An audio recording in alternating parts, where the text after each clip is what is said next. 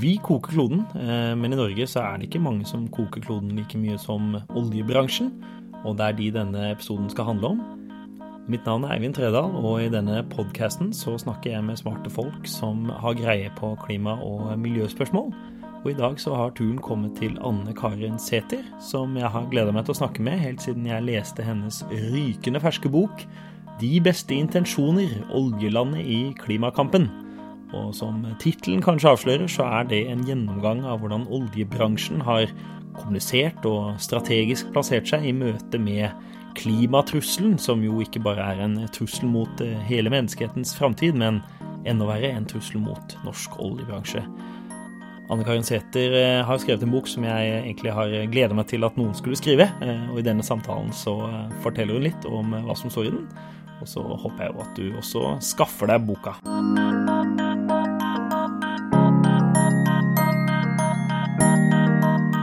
Jeg ble jo selvfølgelig veldig provosert da jeg så denne boka og leste om den. For jeg har jo sittet og jobbet med veldig mye av det samme og sitter med mitt eget bokmanus med masse av de samme tinga. Eh, men så begynte jeg å lese den, og så ble jeg jo egentlig bare veldig glad. For det var liksom masse stoff som jeg ikke hadde sett før. Og eh, litt annen vinkling enn jeg hadde da, så jeg var ikke så bekymra likevel. Men det var liksom en Du har skrevet en litt sånn bok som jeg har lengta etter lenge. Eh, som har vært en gjennomgang av oljebransjens eh, retorikk, eh, politiske påvirkningskraft og kanskje litt sånn hegemoni i det norske politiske ordskiftet, hvis det er akademisk uttrykk, men altså de dominerende posisjon i menneskesinnet. Mm. Eh, har du jobba lenge med denne problematikken, eller er det ja, jeg har jo vært eh, kommunikasjonssjef i Bellona også. Det glemte vi å ta med. Fra 2006 til 2011 så var jeg der. Det hjelper jo. Eh, og det var jo da jeg fatta interesse for den eh, problematikken. Men jeg er journalist i hjertet og er jo da veldig opptatt av konflikter og maktspørsmål, retorikk, politisk påvirkning. Så da jeg slutta i Bellona i 2011, så hadde jeg en idé om den boka her. Og jeg begynte vel så smått i 2012, tenker jeg. Eh, å tenke problemstillinger og hva er gjort og hva er ikke gjort. Og så fra kanskje ja, 2012-2013 så har jeg gjort intervjuer og eh, jobba med en sånn ved siden av den vanlige jobben min.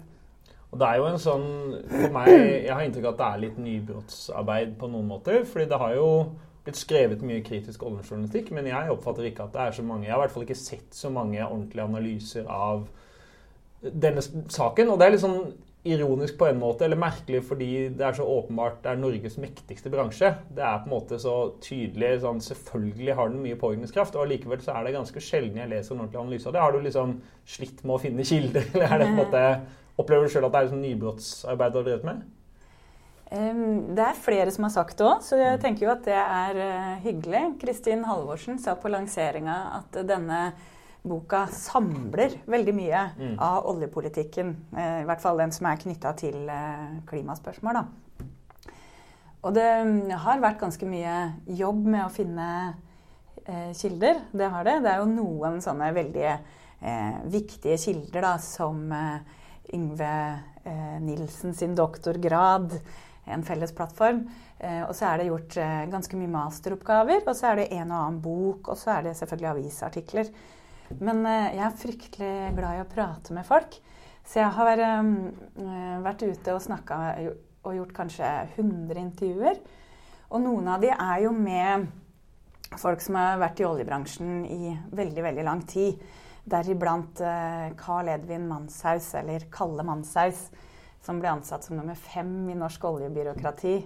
Og som var ekspedisjonssjef i ti år og deppråd i 16 år. I, ja. Ja, i uh, Olje- og energidepartementet. Han ble jo kalt Mister Olje- og energidepartementet. Ja, han liksom, kommer tidlig inn i boka ja. som en sånn uh, det, det, mm. Her er det insider liksom, som kan ta oss mm. med på innsida. Mm.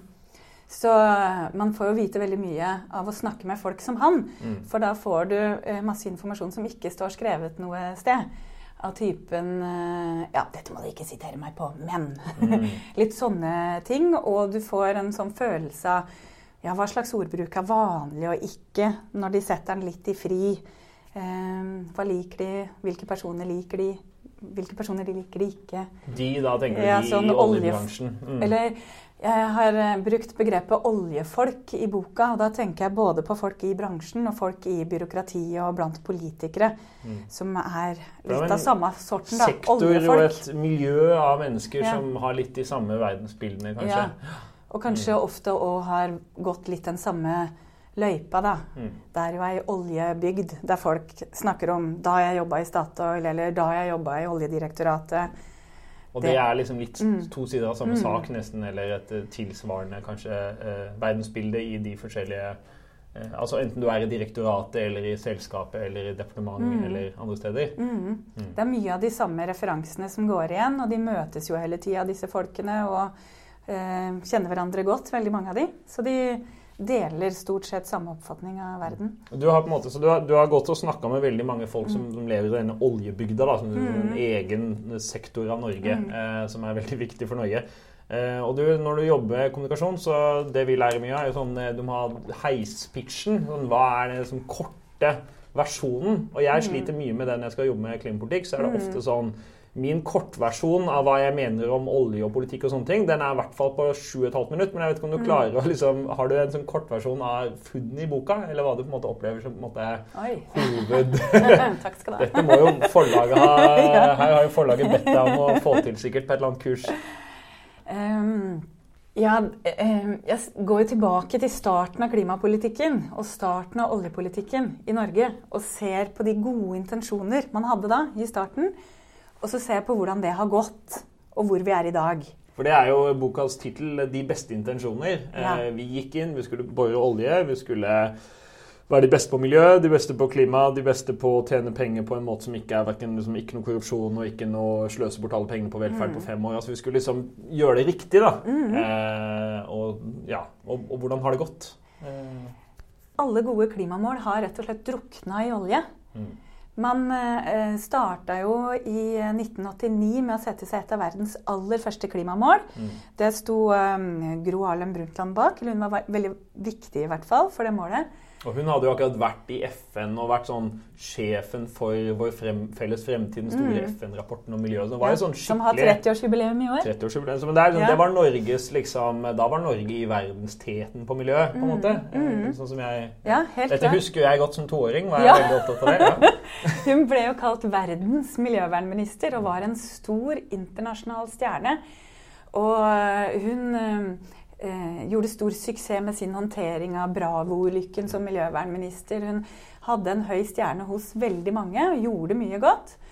Eh, men så har du det valgåret 1989 som blir stående i norsk historie som klimavalgåret. Da alle partiene kappes om å ha den beste klimapolitikken. SV dobla oppslutninga ja, si. Og... Senterpartiet hadde det heftigste klimamålet som eh, de aldri i verden ville klart å oppnå.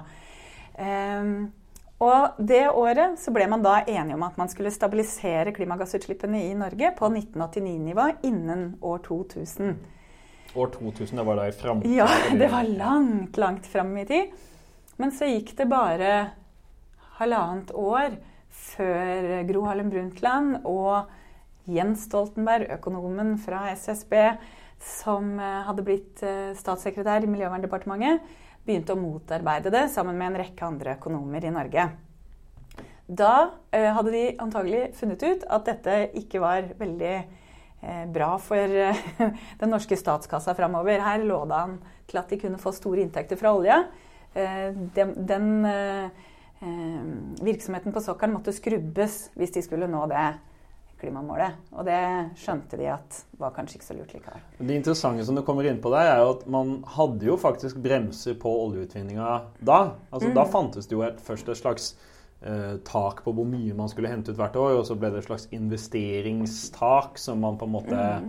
egentlig aldri helt brydde seg om. Eh, og så så Det første som skjedde etter at man vedtok disse klimamålene, var jo at man fjerna alle restriksjoner på oljeutvinning. Altså, ikke, ikke, bare at man lot være å bremse det, men at man, man tok av de bremsene som var der. på en måte. Mm. Mm. Eh. Det er veldig interessant, for historien går jo litt i ring. Nå mm. snakker vi jo om at vi skal la olje ligge i dag.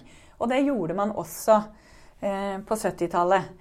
I um, de ti uh, oljebud fra 1971 så Første liksom, stortingsmeldinga om olje? Ja. ja. eller det var før uh, stortingsmeldinga kom også. Ja. For stortingsmeldinga kom i 1974. Ja, Men allerede i 1971 så har du de ti oljebud der det sier at du skal ha nasjonal kontroll og styring. Du skal ikke ha fakling, som er da brenning av gass åpent ute på plattformen.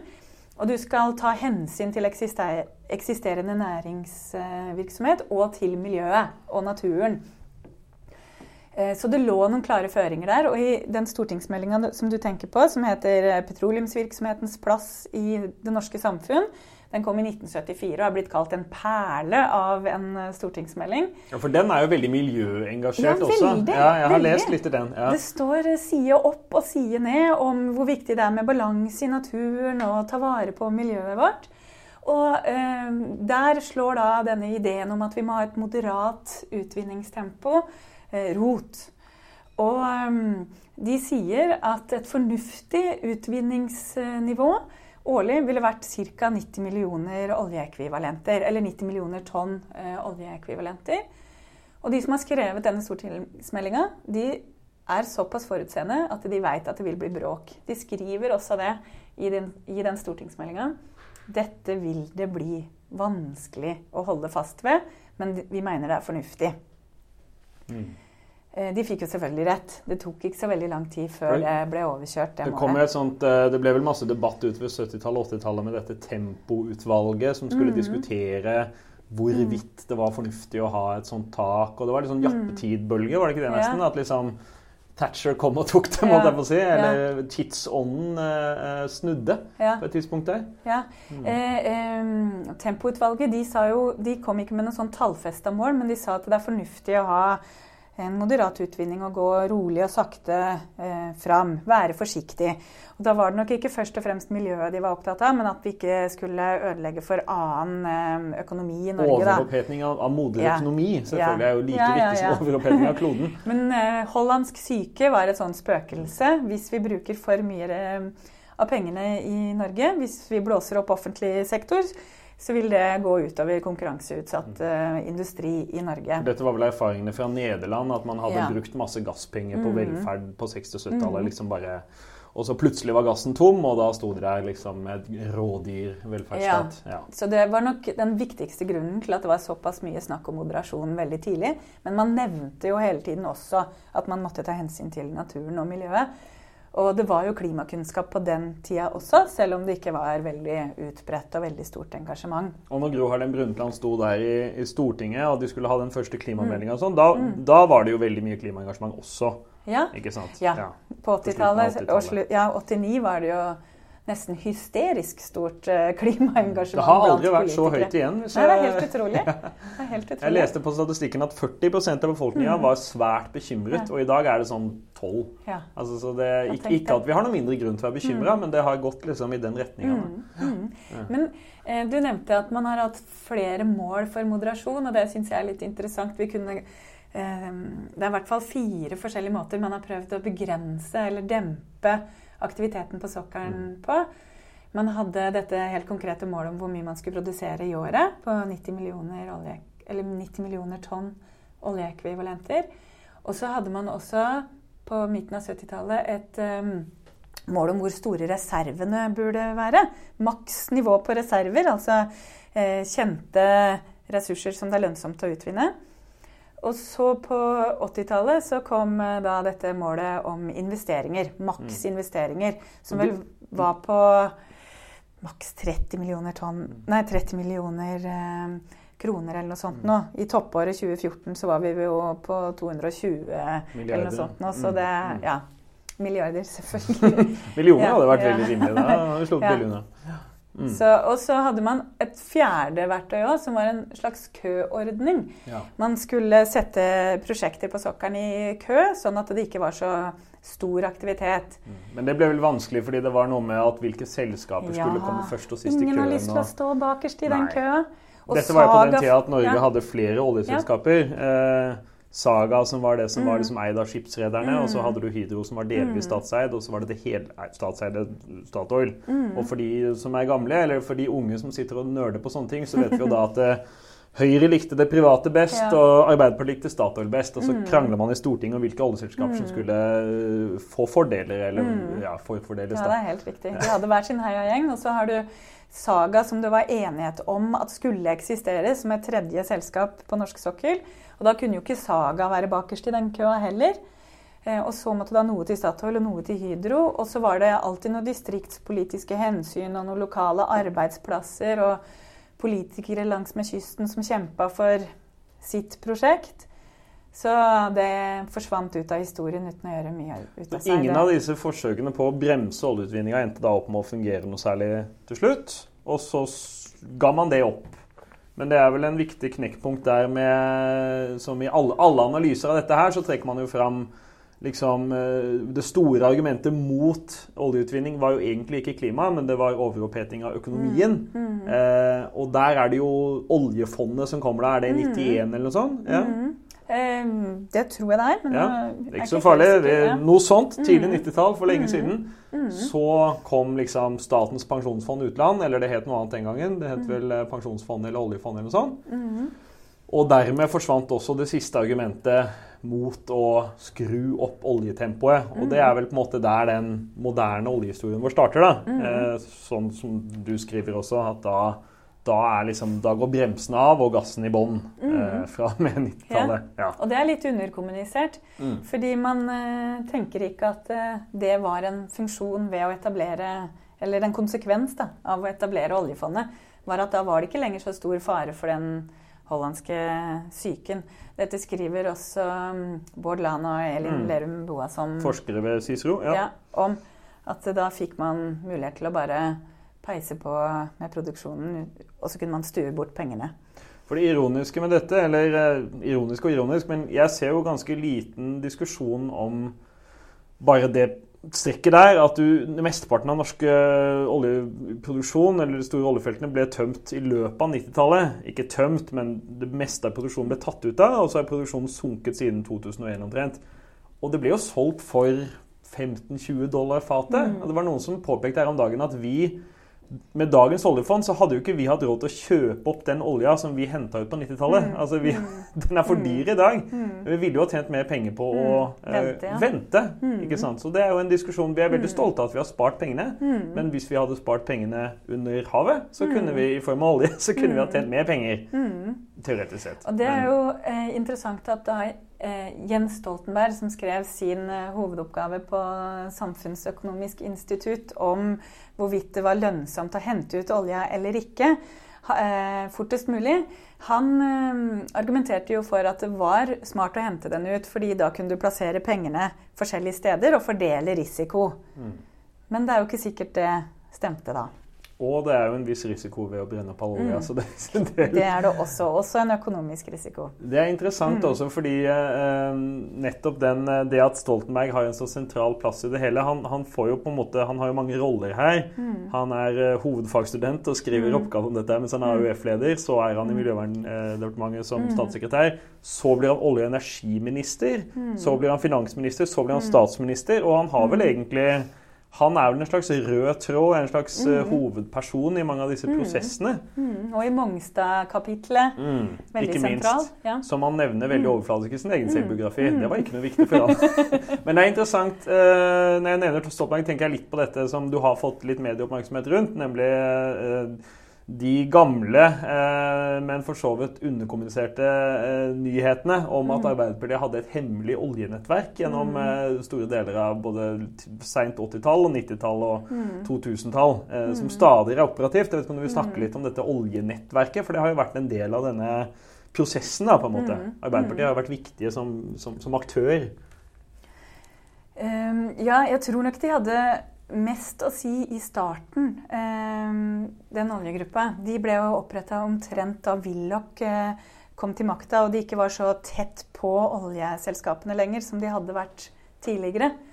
Um, så da etablerte de et nettverk der det var folk fra oljebransjen da, og andre relevante aktører, og Ap-folk. Og de som var eh, mest kritiske til olje, og mest sånn miljøpolitikere, eh, ble holdt utenfor. Og det ser vi også. Inkludert Torbjørn Berntsen, som var nestleder i partiet og miljøvernminister. Ja.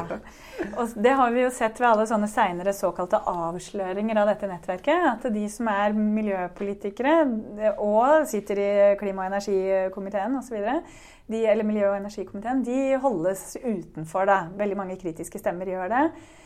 Um, og noen mener at det kan ha hatt mye makt. Andre sier det er en helt ubetydelig snakkeklubb. eh, og jeg vil ikke tillegge den gruppa sånn fryktelig mye mystisk makt, men det er en av flere møteplasser der folk som har samme virkelighetsoppfatning, møter hverandre. Eh, og det er eh, folk som f.eks. Trond Giske, som kritiserte dette nettverket veldig i 2004 da det ble kjent, og kom som et sjokk på veldig mange i Arbeiderpartiet. For Dette var jo en sjokkavsløring i Dagsavisen. Jeg husker jeg ja. leste om dette her, at det var jo folk som sto og gråt på, ja. i Arbeiderpartiets sentralstyre, og AUF mm. var i harnisk. Ja. og ikke sant? Det var ganske heftig da det kom. Ja. Eh. og Gry Larsen sa at vi skal ikke ha hemmelige nettverk. Mm. Og Jens Stoltenberg sa først at ja, men det er ikke så farlig. Og så etter hvert så seg nok alvoret inn, og han sa selvfølgelig det skal være full åpenhet, det skal være full oppvask. Eh, vi skal gjennomgå rutinene og gjøre dette på en annen måte enn det vi har gjort så langt. Men så viste det seg da at det rulla og gikk litt på samme måte som før. Nå tror jeg I dag så er det kanskje prega av at det er mange, eh, mange pensjonister eh, som er med. og Eh, jeg vet ikke om det har så stor betydning i dag, men likevel så er det interessant at de lar være altså, å invitere folk. Jeg er jo aktiv i partipolitikken sjøl, og hvis ja. jeg hadde fått vite plutselig en dag at, at i vårt parti så mm. satt en masse folk og hadde samtale med mm. bransjen bak min rygg liksom, mm. om avgjørende politiske spørsmål, så hadde jo jeg sett på det som en ganske stor rødt flagg. da, selv om man kan, Og, og dersom det ikke var så farlig, hvorfor var det da hemmelig? Det er jo mange sånne rare ting med det, men ja. det får nå Arbeiderpartifolk sjøl ja. diskutere seg imellom. Uh, men ja. det, er, det, er, jo en juicy del av, uh, av historien, vil jeg si. Mm. Ja, nei, Det er generelt veldig veldig mye nettverk og veldig mye wining og dining mm. i uh, oljebransjen. Mm. Folk, for, ja. Hvis vi skal gå inn på det, for det er jo liksom etter hvert Når du snakker om oljebygda, altså hvis mm. vi skal bevege oss videre i tidslinja her da, fra, fra 90-tallet utover, så er det jo en litt sånn uhåndgripelig masse du prøver å få fatt på. Mm. Fordi det er jo ikke sånn at alt, det fins én gruppe onde mennesker som har sittet liksom i et hemmelig rom og lagt slemme planer. Men det er jo et veldig sånn sprudlende Altså et svært eh, sprikende nettverk av næringslivsfolk, folk i mm. byråkratiet, politikere som omgås mye, som har litt felles virkelighetsforståelse, og som på en måte, hvor det fins ufattelig mye penger i omløpet etter hvert. Altså, det er jo en viktig del. Altså, når kranene først åpnes, så er det da hundrevis av milliarder som bare flommer inn over det norske samfunnet. og eh, på en måte så er det ikke sånn, du kan, du kan ikke helt si 'der er skurken'. Der plutselig så er det bare mm. noen sånn de pengene og de særinteressene får en sånn De griper inn overalt. Ja, og, det er jo, og det er jo ingen som går rundt og tenker ha-ha-ha, nå skal jeg forurense, og nå skal jeg, nå skal jeg ta dem. Ja, ikke sant? Det er jo ingen som skal vi knuse miljøbevegelsen ja. og ta Lofoten og ødelegge alt sammen? Ja, alle er jo på sitt vis ute i godt ærend. Mm. Og de som jobber i Olje- og energidepartementet og er oppriktig opptatt av at vi får mest mulig olje og gass ut av norsk sokkel, de gjør det jo fordi de har tro på at dette er til det beste for samfunnet. Mm. De vil at vi skal styrke eh, den norske velferdsstaten, og de, de, føler de bidrar med noe godt her i verden. Da. Og det gjør jo også alle som jobber i Statoil, som er det, det, er det beste oljeselskapet av oljeselskapene de gjør Det er de mykeste Nei, men... slaveskipene og de mest Nei, men, de, ja. Men eh, ja, jeg tror, eh, jeg tror alle virkelig tenker at mm. vi, vi, gjør noe godt. Vi mm. bidrar med noe bra. Vi, ja. Og det er jo en igjen, altså det skinner jo også mm. gjennom i mye av det du siterer jo litt eh, flere forskjellige aktører, men også når jeg selv har lest Stoltenbergs egne refleksjoner f.eks. som en premissleverandør da, for mye av denne politikken, så, så framstår han som helt genuin. Og til og med som en mm. større idealist enn det jeg selv er. Mm. Altså Han mm. hadde tror jeg, en større tro på at det globale internasjonale samfunnet skulle lage et kvotesystem som skulle regulere hele verdens klimautslipp. som jeg ser på som litt utopisk, men, men, som han da i mange år i hvert fall hadde en kullsiertro på. Ja, Ja, Og det er så mange som fortsatt tror på det også. Oh, ja. Oljeselskapene snakker om at vi skal få denne globale prisen på CO2, og så skal det løse alt. Ja, jeg, jeg, på, på Stortinget for, for en måned siden så hadde jo Venstre innkalt til oljeseminar, og der sto Statoil og sa det kommer en global pris på karbon. Ja, Og da ja. måtte jeg spørre den utsendte forskeren fra CICERO stemmer det at det er en global pris på karbon på vei. Og Så sa han nei, det er fullstendig meningsløst. Det må dere for guds skyld ikke legge til grunn som, som stortingspolitikere. liksom. Ja.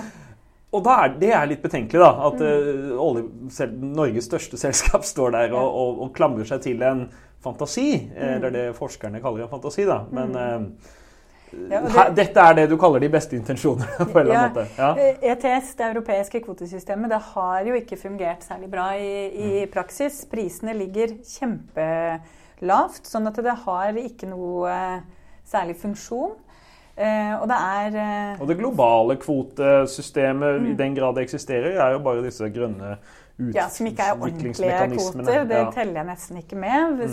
CDM-kvotene blir noe litt sånn på sida. Eh, mens du har jo forsøk på kvotesystemer rundt omkring USA, Kina. Det kommer forskjellige ting som kanskje kan fungere noe. Men uansett så er jo kvotesystemer et verktøy som er begrensa i tid. Det vil ikke kunne vare i 50-60 år fordi vi skal kutte utslippene så drastisk at det er ikke noe vits i å ha noe kvotesystem om 50 år. For da skal det ikke være noe å handle med egentlig lenger. Og dersom det kom et sånt kvotesystem, så ville jo norsk oljebransje være Mm. ille ute. da. Det er vel også en, et, et underkommunisert problem der, føler jeg. At det ville være at vi ville være ille ute. Altså, Dersom det var slik at det kom et globalt kvotesystem eller en karbonpris, så ville vel veldig raskt etterspørselen etter olje og gass stupe, og dermed også kanskje norsk eh, dyr olje og gass bli utkonkurrert, f.eks. Altså, jeg syns det er interessant. Vi har hatt nylig diskusjoner på Stortinget om dette her, og norsk oljebransje legger jo til grunn at oljeprisen skal være ganske høy framover. 70 dollar fatet i overskuelig framtid. Og det vil jo neppe være tilfellet da, hvis du får eksempel en global karbonpris eller lignende. Det vil jo fort eh, strupe etterspørselen. Men sånn som jeg leser det, og det kan du si deg enig eller uenig i, så, så fins det liksom en veldig sånn eh, fasttømra logikk som ble skapt en enighet blant politikere, byråkrater, næringsliv, bransjen sjøl, som ble etablert denne gang på slutten av 90-tallet, om at vi skal løse klimaendringene globalt, at norsk olje er verdens reneste, osv., osv som på en måte har sprukket mer og mer opp, eller som møter mer og mer Mm. motstand i løpet av fra år 2000 utover. da. Mm. vet ikke om det er et, en god Ja, ja. inngang for deg til å fortelle litt om ting videre? det kom vel egentlig videre? allerede tidlig på 90-tallet, det med at det, vi skal ha størst mulig eh, kutt per krone. Eh, fordi det var jo Ja, i 1991 så sto eh, Gro Harlem Brundtland eh, på Økonomisk eh, forum, er det den? Nei, hva heter det igjen? I Davos? Davos ja. Ja. World Economic Forum. Forum, eh, og argumenterte for at man burde mm, samarbeide om utslipp, og at kvoter ville være en god løsning. Eh, og så fikk man ganske ja, godt etablert da, på 90-tallet denne argumentasjonen som bl.a. NHO og Hydro var eh, sentrale i å få eh, pakket sammen som gikk ut på at eh, vi eh, produserer med mindre utslipp. Derfor så vil det lønne seg eh, for klimaet at vi fortsetter å produsere. Hvis noen andre, Olje og gass, olje og gass. Mm. Hvis noen andre skal produsere i stedet, så vil det bli eh, økte utslipp. Det er jo en kjent argumentasjon for alle som har hørt olje- og Mm. energiministeren eh, snakke. liksom. Mm. Ja. Men jeg lurer på om det først er kanskje de eh, ja, siste fem årene at det virkelig har blitt utfordra sånn i offentligheten. Det har tatt ganske lang tid som de har fått operere med det. For nå hører man stadig oftere at eh, ja, ok, det, utslippene under produksjon det er jo bare en bitte, bitte liten del av de totale utslippene. Det er det flere og flere som nå er klar over. Sånn at det faktum at Norge på mange av sine felt, men ikke på alle, eh, produserer med litt mindre utslipp enn gjennomsnittet, det er som ei pølse i slaktetida å regne. Det har ikke så veldig mye å si. Eh, Og det fins jo enkeltfelter. altså Disse i Saudi-Arabia altså Midtøsten generelt har jo lavere utslipp Ja. enn i Norge. Og deres olje ligger vel oftere i, et, i en ørken enn i et, uh, en fiskebank også. Ja, Eh, så det er veldig mange felter. eh, Sånn ideelt sett, dette, sier også Harald Norvik, i- tidligere Statoil-sjef, i boka, at ideelt sett, hvis man bare skulle ta hensyn til miljøet, så burde jo feltene i eh, Midtøsten utvinnes først. Men grunnen til at Og sist, kanskje, da, teoretisk sett. Ja, Men grunnen til at vi i det hele tatt driver med olje og gass her, er geopolitiske forhold. At folk ønsker ikke å være avhengig av bare Russland og Midtøsten. Mm. Ja, men Jeg leste nå på NRK Ytring at Saudi-Arabia er veldig misforstått. At det er et ganske bra land, egentlig. Det er jo mye. Ja, Og at det er gode grunner til at kvinner ikke bør kjøre bil. Ja, herregud. Er så, vi er så enspora her. I, det, vi har noen rare allierte der borte. Mm. Ja. Mm. Men ja, tilbake til det med, med utslippsnivået. Jeg tror det har etablert seg en en oppfatning der ute. Tror ikke du det òg? At det flere er bevisst dette med at eh, det at vi slipper ut litt mindre under norsk produksjon, spiller egentlig ikke så veldig stor uh, rolle.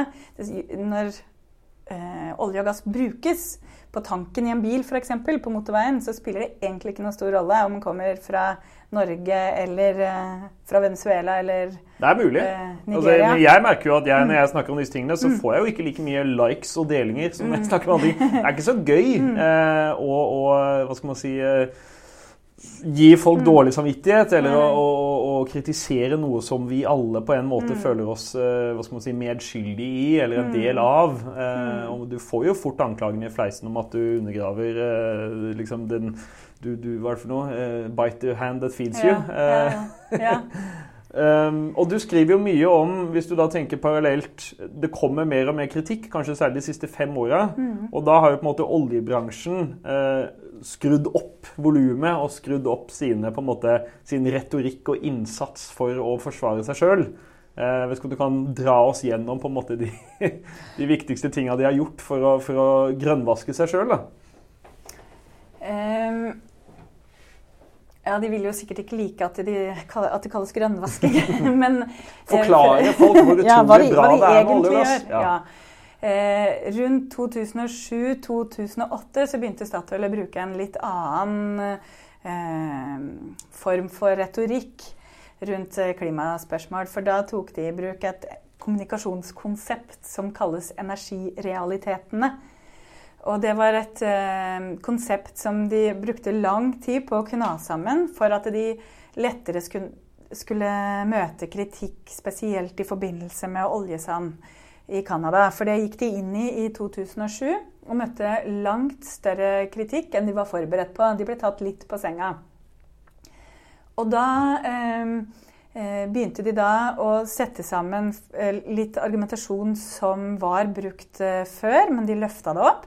Dette var bl.a. blitt brukt av eh, andre oljeselskaper, så det var ikke helt nytt. Og det var, litt, og det var brukt i norsk historie også. Eh, det det gikk ut på, var at de trakk fram at verden trenger energi. Eh, samtidig skal utslippene ned. Ettersom vi produserer med litt mindre utslipp, så må vi produsere. Det at vi produserer med litt mindre utslipp, gjør at oljen vår kan kalles klimavennlig. Ingenting kan jo kalles klimavennlig når de skader klimaet, men det er det de sier. Eh, og den argumentasjonsrekka der kan, peker de på som realiteter. Like it or not. Sånn er virkeligheten. Eh, og så lenge de. La oss være realistiske, sier gjerne en politiker ja. da, når du står der som ja. miljøverner og skal ja. ja. Så så lenge de da klarer å hele tida eh, koble til, til verdens energibehov, og, og, og, si at eh, fornybar energi det er altfor lite, det vokser altfor tregt til at du vil ha noe å si uansett. Um, så får de, da får de diskusjonen der de vil. da. Hvis de skulle bare diskutert olje og gass eh, sin påvirkning på klimaet isolert sett, så ville de slitt mye mer. Mm. Um, og det her er jo, Dette konseptet er vi jo så vant med i Norge. Alle har tatt det til seg. Alle snakker på den måten og er vant med å tenke på den måten. For Dette er liksom lufta vi puster i, føler jeg. at det, hvis, ja. hvis, jeg snakker om olje, mm. så hører jeg folk repetere sånn ja. cirka disse poengene ja. i en eller annen mer eller mindre fordøyd mm. variant. da. Mm. Det er det man hører. Ja. Mm. Mens eh, det verden trenger, det er jo energi, ikke nødvendigvis fossil eh, energi. Og det er jo, hvis man går inn i all, alle deler av argumentasjonen deres, sånn som jeg prøver å gjøre i boka, f.eks. det her med at uh, gass er bedre enn kull, så vil du jo finne ut at det, det står på litt ustø grunn, da. Fordi eh, norsk gass kan like så gjerne konkurrere mot fornybar energi. Eller mot energieffektivisering, ja. for den saks skyld. ja. ja. Ja, de energirealitetene er jo en sånn kjempespennende på en måte, synes jeg, hva skal man si, Det er jo ikke et funn, men du har, du har heva det opp. da. Ja. Eh, og mange er nok ikke klar over hvor målretta bransjen har jobba med det. Mm. Eh, Norsk olje og gass er jo en av flere organisasjoner som er veldig eh, hva skal si, aggressive. Eh, Mm. og du ser vel igjen Verdens fattige trenger energi. Mm. Eh, og ja, som du sa, gass. Gass er renere Mm. enn kull. Alle disse argumentene repeteres jo veldig mange steder. Og Mm. det viser vel på en måte hvordan oljebransjen er veldig målretta og bruker ganske mye ressurser på dette her de siste Mm. par årene. Da.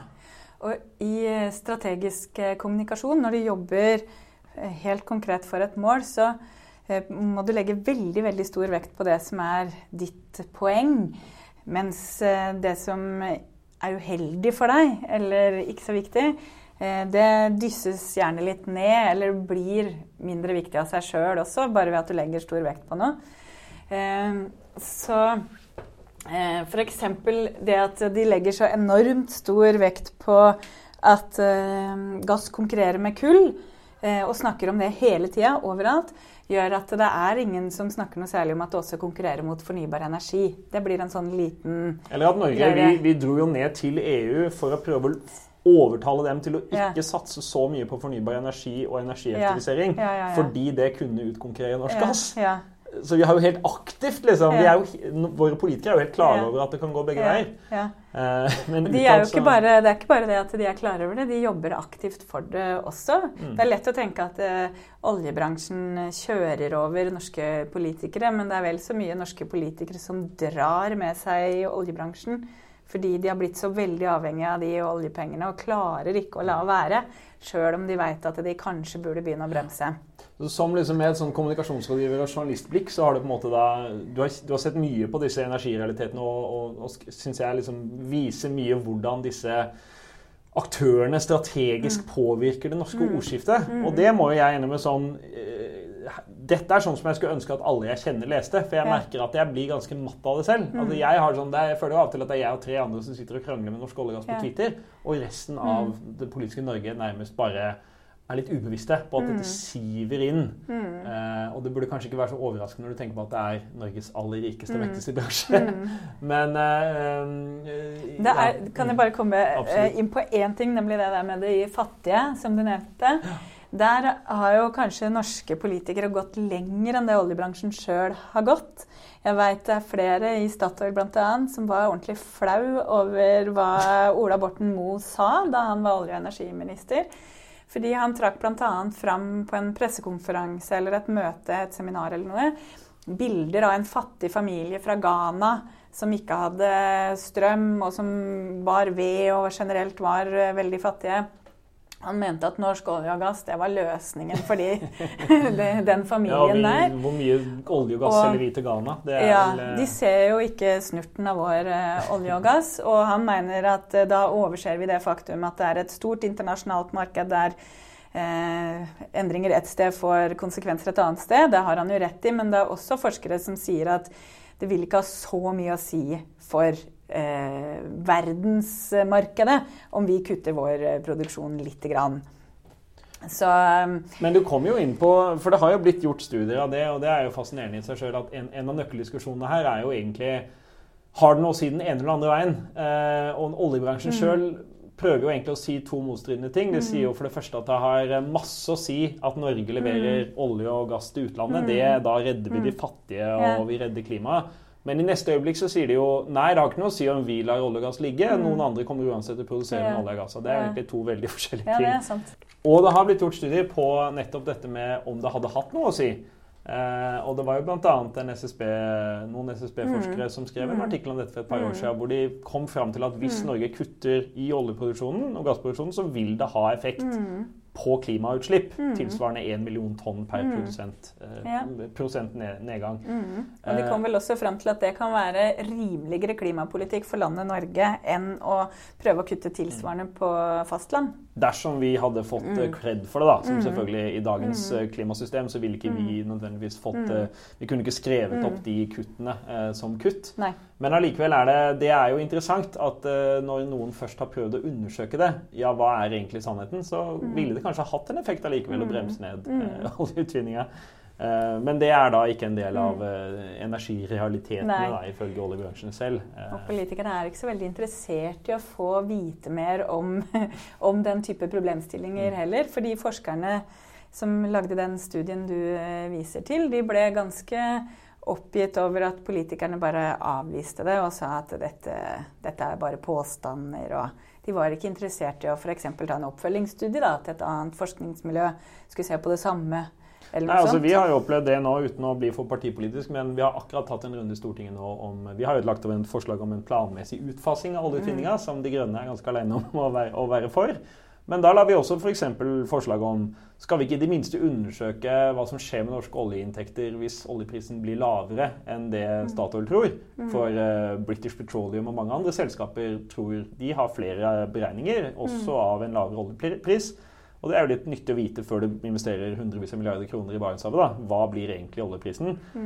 Og det var det ikke flertall for. Og det er ikke sånn, Vi er ikke engang interessert i å undersøke eh, noe som kunne være liksom, mot ideen om en maksimal oljeutvinningstempo. Eh, og, og det er jo litt bekymringsverdig, da, hvis man på en måte er så eh, dyppa ned i oljefatet at man ikke engang ønsker å se på noe annen kunnskap. Men så må det jo også sies at det er utrolig vanskelig å vi, si noe sikkert om det her. Vi aner jo ikke hvordan verden er om 10 år eller eh, 20 år. Det er fryktelig vanskelig å spå oljeprisen. Det var jo ingen som så det store fallet vi, vi fikk nå sist, eller forrige gang før der igjen. Nei, og Eh. Statoil har jo også uh, Ingen som trodde at de skulle Mm. tape 120 milliarder kroner eller mer på utenlandssatsinga si, Mm. eller uh, Nei. At gasskraftverkene Mm. skulle bli ulønnsomme. Så det har jo vært masse egentlig litt underkommuniserte uh, ting som skjer nå, da, som, Mm. som kan tyde på at oljebransjen ikke alltid er en gull, uh, en Mm. gullgåsa som legger gullegg, holdt jeg på å si. Mm. Eh, Men jeg, jeg, eh, vil gjerne si at jeg syns det er litt sånn gode trekk i Statoil eh, for tida. De ønsker å gjøre noe eh, bra. Eh, vi, ja, jeg mener det virkelig. Det er krefter der som er opptatt av at de skal jobbe mer med fornybar. De skal prøve å eh, bli eh, et energiselskap mer enn et vanlig olje- og gasselskap. Eh, det er kanskje heller folk i Olje- og energidepartementet og i Finansdepartementet som er de som virkelig bakstreverske, som ikke ønsker å endre på noe, og som tror at vi skal holde på med, olje, med olje og gass Mm. i eh. 50-60 år til, eller, eller Ja, altså Når vi nå diskuterer eh, nye oljefelter i Barentshavet, så snakker vi om oljeutvinning som kanskje skal skje om 20-30-40-50 år. Mm. Eh, altså Goliat, som nå er, kom i drift i fjor, det, har jo, det tok jo 40 Mm. år fra feltet ble åpna til vi kom i produksjon. Så da må vi regne med at verden har Mm. masse lyst på ganske dyr norsk olje i 2060, da. Mm. Eh, Og det kan jo komme sånne tipping points på fornybar energi hvis batterier plutselig blir kjempebillig og kan lagre masse energi, eller du får eh, store endringer i markedet som gjør at det sprer seg veldig mye raskere enn man har eh, trodd, da, fornybar energi. Så Da kan vi ha investert Mm. noen hundre milliarder i, i noe som kanskje ikke var sånn. Nei, for det, det er interessant å se hvordan oljeselskapene, altså Dong Energy i, Mm. i Danmark, går vel inn for noe sånn 50-50 investeringer i fornybar og olje innen 2030 eller noe sånt. Eh, og Statoil går for noe sånn 80-20. Altså de vil, de vil maksimalt investere 20% av inntektene sine i Mm. 2030, da, i, i, eh, eller av investeringene sine i eh, fornybar. Så de er Mm. veldig konservative der ennå, virker det som. Eh, Sammenligna med en del andre energiselskaper som er mer ivrige på å snu om, da. Ja, I den eh, kampanjen som Statoil har gående nå, som heter 'Når gode råd er unge', så er det en video med Irene Rommelhoff, hun som leder eh, det forretningsområdet som har med fornybar energi å gjøre. Og da blir hun, eh, intervjuet av en eh, student som spør henne kritiske spørsmål om fornybar energi, og hun eh, svarer og skal liksom være den eh, voksne og fornuftige da, i den reklamefilmen. Eh, og når han spør eh, hvorfor investerer dere ikke mer i fornybar energi, så svarer hun at det er slik at det dessverre ikke er flere gode prosjekter å investere i. Og det høres merkelig ut, syns jeg. Det kommer nok an på hvilken profittmargin man ønsker å ha, og ja, eh, Ja. ja, hva annet man gjør. Men det, ja, det virker jo rart. Fordi det eh, Vidar Helgesen, eh, vår klima- og miljøminister fra Høyre, ble konfrontert med nettopp det at Statoil hadde sagt dette på en, et seminar som jeg var på rett etterpå, og da um, sa, sa, han det samme. Det, det, kan jeg ikke forstå. Han syntes det tydeligvis var litt merkelig, han også. Jeg vil komme inn på et uh, tema litt mot slutten uh, når vi går inn for landing her, men, uh, som, som, kanskje egentlig er litt stort, men, men, du kan prøve å si noe kort om det. Og det er noe som jeg liksom, Jeg jobber jo selv med kommunikasjon. Jeg prøver å ikke liksom, bruke for mye tid på å være sint på journalister. Men du, du beskriver jo litt det som, som jeg føler veldig sterkt, eh, nemlig at media i Norge For det første har de jo fått mindre ressurser generelt. Men kompetansen og deres på en måte inngang inn og, og innsyn inn i oljebransjen, den har sunket mye siden 90-tallet. Delvis også fordi Statoil eh, fordi vi fikk bare ett oljeselskap til slutt. Og det er litt lettere å, å holde skalkene mm. stengt når man er ett selskap og ikke tre. Eh, kan du si litt om det? For det er jo en, en, stor bit av dette her. Altså Statoil har mektige kommunikasjonsrådgivere, og media sitter med lite eh, kanskje kunnskap og tilgang. Mm. Det var en periode i norsk historie der vi hadde noe som het oljelauget. Eh, da hadde hver eh, avis med respekt for seg sjøl en egen oljejournalist som var ute og dro på alle eh, oljekonferanser sånn type i Houston og rundt omkring i, i, verden. Og de var kjempegode på fagfeltet og hadde sinnssykt mange kontakter. Sånn at hvis det kom en eller annen nyhet fra Hydro, så kunne de fort ringe Statoil. Eh, eller de, Saga, ja. Eller Saga, eller noen i departement eller direktorater eller utenlandske selskaper og, og, og, sjekke med de. Stemmer dette? Er ikke disse tallene veldig høye? Eller eh, er ikke tidsfristen for knapp? Eh, hva slags teknologi tror du de skal bruke? Så da ble det jo mye mer, masse journalistikk pga. at det var flere selskaper. Du kunne spille dem opp mot hverandre, ja. liksom? Men eh, så har man parallelt som man har fått færre selskaper og Statoil er blitt dominerende på norsk sokkel, har man jo fått eh, store økonomiske problemer i norske medier pga. Eh, fall i annonseinntekter. Du skal levere på flere flater med færre folk etter hvert. Eh, og da har man ikke hatt råd til å holde seg med oljejournalister. Og veldig mange av de som hadde kompetanse, har jo forsvunnet over til oljeselskapene og blitt gode kommunikasjonsrådgivere der i stedet. Så det er veldig få som har noe særlig god innsikt. Da. Det er noen i Stavanger Aftenblad, selvfølgelig, og så har du noen i Teknisk Ukeblad, og et par i Dagens Næringsliv. Noen her og der. Men de store mediene har eh, generelt lite eh, ressurser da, til å jobbe med det. Og da de, de står jo overfor altså Det er jo liksom nesten vanskelig å, å liksom overdrive sånn hvis du sitter som en journalist, og du er kanskje 27 år gammel, og du har en helt grei utdannelse, og du skal avsløre noe som i praksis er fra Norges aller største selskap, med en kommunikasjonsstab som er ti ganger større enn din egen mm. reduksjon. Mm. Liksom en global mastodont. Altså, det er jo en ganske avskrekkende oppgave for en mm. journalist å skulle prøve å gjennomskue det der, liksom. Ja. Men det er muligheter. Så hvis det er uh, unge folk der ute som har lyst til å jobbe med det feltet her, så er det jo bare å sette i gang. Og hvis du er, uh, er journalist og har dårlig tid, så kan du kanskje gjøre noen søk i postjournalen. Vi har jo et fantastisk system med offentlig postjournal i Norge.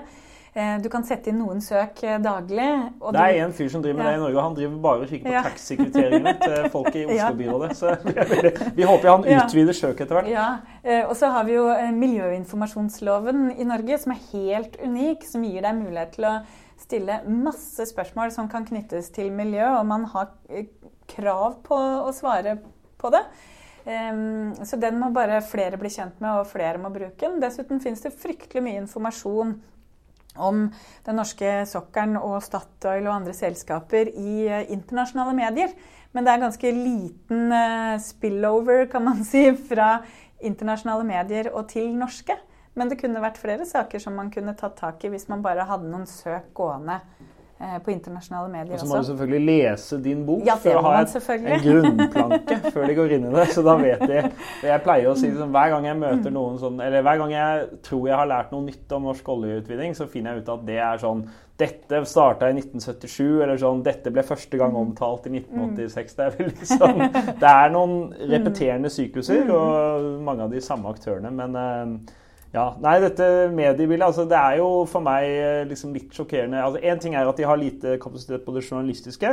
Og så er det jo, selv om det fins en god del god kritisk oljejournalistikk, som, som, kanskje kommer i en og annen dyptpløyende sak, at Aftenposten har gått gjennom Goliat-utbyggingen eller sånne ting, eh, så føler man jo litt, når jeg sitter og leser om nå f.eks.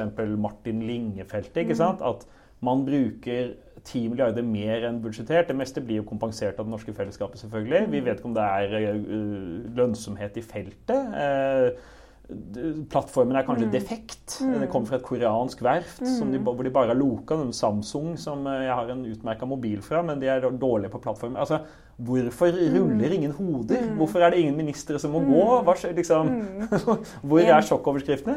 Harald Norvik måtte jo gå pga. én mong. Det er jo ja, småpenger, småpenger i dag. det er jo helt fint. Ja, altså, jeg, bare, jeg, tror elsykkelordninga i Oslo har fått mer kritisk journalistikk enn, liksom, enn noen av disse prosjektene. hvor det har mm. røk, altså, På Goliat-bygginga gikk det jo tre liv tapt også, på verftet i Korea. Og det tror jeg veldig få har fått med seg. Altså, det er en sånn det som skjer der ute på sokkelen, er liksom litt fjernt. Mm. Og så ser du, ja, og de siste årene så har jo også Petroleumstilsynet gått sammen flere hendelser på norsk sokkel og sagt at det, det, denne hendelsen hadde potensial til å bli en storulykke. Mm.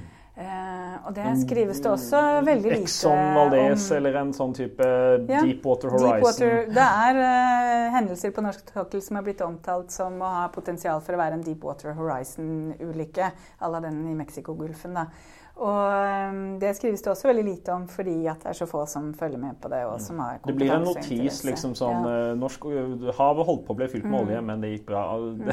Mm. ja, altså Når jeg leser på kommentarplass også, så merker jeg at da Dessverre, da, uten å henge noen ut med navn, så føler jeg ofte at liksom, da, her leser jeg Carl Erik Skjøtt Pedersens uh, i Norsk olje og gass sine argumenter uh, gjengitt mm. liksom, som sånn sannheten fra oven. da. Uh, så disse energirealitetene ser ut til å ha mm. fått godt fotfeste hos de mm. fleste norske avisredaksjoner. Dessverre, mm. får man kanskje si. Men, mm. Men som ja. god journalist så må man jo alltid, og som kommentator også, alltid tenke hva er det som skjules når mm. dette trekkes fram? Det er alltid noe som kommer i bakgrunnen. Hva er det det er i denne saken? Hvordan kunne virkeligheten også sett ut? Fordi det er jo hele tida en kamp om virkeligheten her. Og den som eh, definerer eh, virkeligheten, den har vunnet veldig mye av slaget. Og ikke minst problemformuleringen. Hva var spørsmålet? Ja. Hvordan skal Norge produsere olje og gass for å redde ja. verden og klima på en best mulig måte? Tarjei Skirbekk har skrevet veldig bra om det her. Mm. Eh, tidligere Ap-strateg som nå jobber i Statoil. Han har skrevet en bok som heter 'Hvordan vinne valget' der han skriver veldig godt om eh, strategisk kommunikasjon. Nå jobber han for å vinne valget for oljebransjen. Ved, da får mange stemmer til Arbeiderpartiet, Høyre og Frp. Ja. de, de, mest oljelojale av alle. Mm. Men så må det også sies at de som jobber i olja, syns jo at de får eh, urettferdig lite medieomtale av alt det bra de gjør. da. Både økonomisk og teknologisk. Det er ingeniør Bragder i, i Nordsjøen som knapt omtales, og det syns de er fryktelig urettferdig. Ja, det, går, det, går, vel begge veier der. altså Hvis media har lite peiling på hva som skjer mm. i olja, så ja. betyr vel det at både de positive og de negative mm. nyhetene blir ja. underdekt, eh, kan man si. Ja.